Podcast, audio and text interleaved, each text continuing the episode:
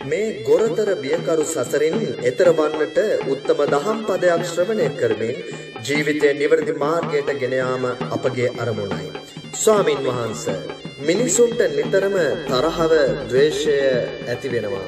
මේ තරහවේ, ද්වේෂයේ ආධිනවයන් මොනවාද? මෙහෙමයි තරහව කියන කාරණේ, ද්වේෂය කියන කාරණේ, ව්‍යාපාදයේ කියන කාරණේ අපිව දුකට දාන මොහොම බලවත්ම අකුසල් මූලයක්. තේරුණාද? ඒ බලවත්ම අකුසල් මූලය නිසා අපි නිරේතුරුවම දකින්න ඕනේ මම ඒකයි කිව්වේ ලෝකේ අපිට යමක් ලැබිලා තියෙනවා නම් ඒ ලැබිලා තින්නේ අපිට ලැබෙන්න තියෙන දේ. තේරුණාද? ඒ නිසා කොතනකවත් අපිට අසාධාරණයක් සිද්ධ වෙලා නැහැ.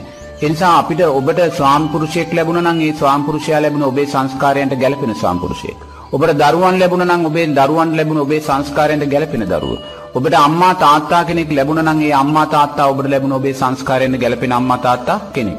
ඔබට රැකියාවක් ලැබිලා තියෙනවා නම් ඔබට ඒ රැකියාව ලැබිලා තියෙන ඔබේ සංස්කාරයෙන් ගැලපෙන රැකියාවක්. ඔබට යම් සමාජ තත්වයක් ලැබිලා තියෙනවා නම් ඒ සමාජ තත්වය ඔබට ඒ සංස්කාරයෙන් ගැලපෙන සමාජ තත්වයක්. එහෙනම් කොතනකවත් අපිට මෙතන වරදක් නැහැ. කොතනකින්වත් අපිට වැරදක් වෙලා නැත්නම් සංස්කාරයන්ට අනුව සියල්ල ලැබිලා තින්නේ අපි කොතෙන්ටවත් ගැටෙන්න යන අවශ්‍යතාවයක් නැහැ. අපි දකින්න ඕනේ අපිට යමෙක් ඔරවනවා නම් අපි සංසාරේ කාට හරි ඔරවලා ඇති. අපිට යමෙක් බයිනවා නම් අපි සංසාරේ කාට හරි බයිනවා ඇති.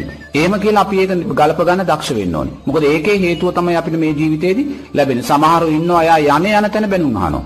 තේරෙනවද? ඒ එයා පෙර ජීවිතේ එයා වඩලා තියෙන දෙයක්. තේරෙනවද? ඒක සමහරව ඉන්නවා යන යන තැන එයාට ප්‍රසාදය ලැබෙනවා. ඒ පෙර ජීවිතය මෛත්‍රියෙන් යුතුව කටයුතු කළා දැන් අපිට පේනවා මේ සමාජයේ කොච්චරනම් ද්වේෂයෙන් කේන්තියෙන් කටයුතු කරන අය ඉන්නවා කියලා අපිට පේනවනේ. කොච්චර එයාගේ රැකියාවට වෙන්න පුළුවන්, ව්‍යාපාරෙ වෙන්න පුළුවන්, එයා ඉස්සරහට එන කෙනෙක්ව සතුටු කරන්න එයා කැමති නැහැ. ඒ ඕන තරම් hinaවකින් හරි සතුටු කරන්න පුළුවන්. නමුත් එයා hinaවකින්වත් තව කෙනෙක් සතුටු කරන්න කැමති. ඉතින් එහෙම අය කී දහහක් සමාජයේ ඉන්නවද? ඒතකොට එහෙම අය නෝන ගිය ඊළඟ ජීවිතේ මිනිස්සෙක් වුණොත් එයාට හැම තැනින්ම පීඩාවන්මයි සකස් වෙන්නේ. දකින දකින කෙනා එයාට ඔරෝනවා මිසක් කවදාකවත් hina වෙන්නේ නැහැ. එයාගේ අකුසල් විපාකේ. තේරෙනවද? එයාගේ අකුසල විපාකය. ඒ නිසා ද්වේෂය කියන කියන්නේ පස්සය. පස්සය කියන්නේ කාරණා තුනක එකතුව. කාරණා තුන මොකද්ද? අධ්‍යාත්මික රූපයත්, බාහිර රූපයත්, විඥානයත්. ඒ කියන්නේ ඇසත්, අකමැති රූපයත්, විඥානයත් එකතු වෙනවා පස්සය. කනත්, අකමැති ශබ්දයත්, විඥානයත් එකතු වෙනවා පස්සය. මනසත්, අකමැති සිතුවිල්ලත්, විඥානයත් එකතු වෙනවා පස්සය. මේ පස්සේ නිත්‍ය වශයෙන් ගත තැන්දි කේන්තිය සකස් වෙනවා. තේරෙනවද? ඒ නිසා බුදුරජාණන් වහන්සේ කියනවා දැක්කාය කියන තැන නවතින්න.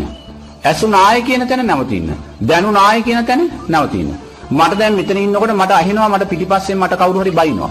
බයින කෙනාත් මට දැනෙනවා බයින වචනත් මට ඇහෙනවා. මං ඇසුනා කියන තැන නවතිනවා. ප්‍රශ්නයක් වෙනවද? ඇසුනා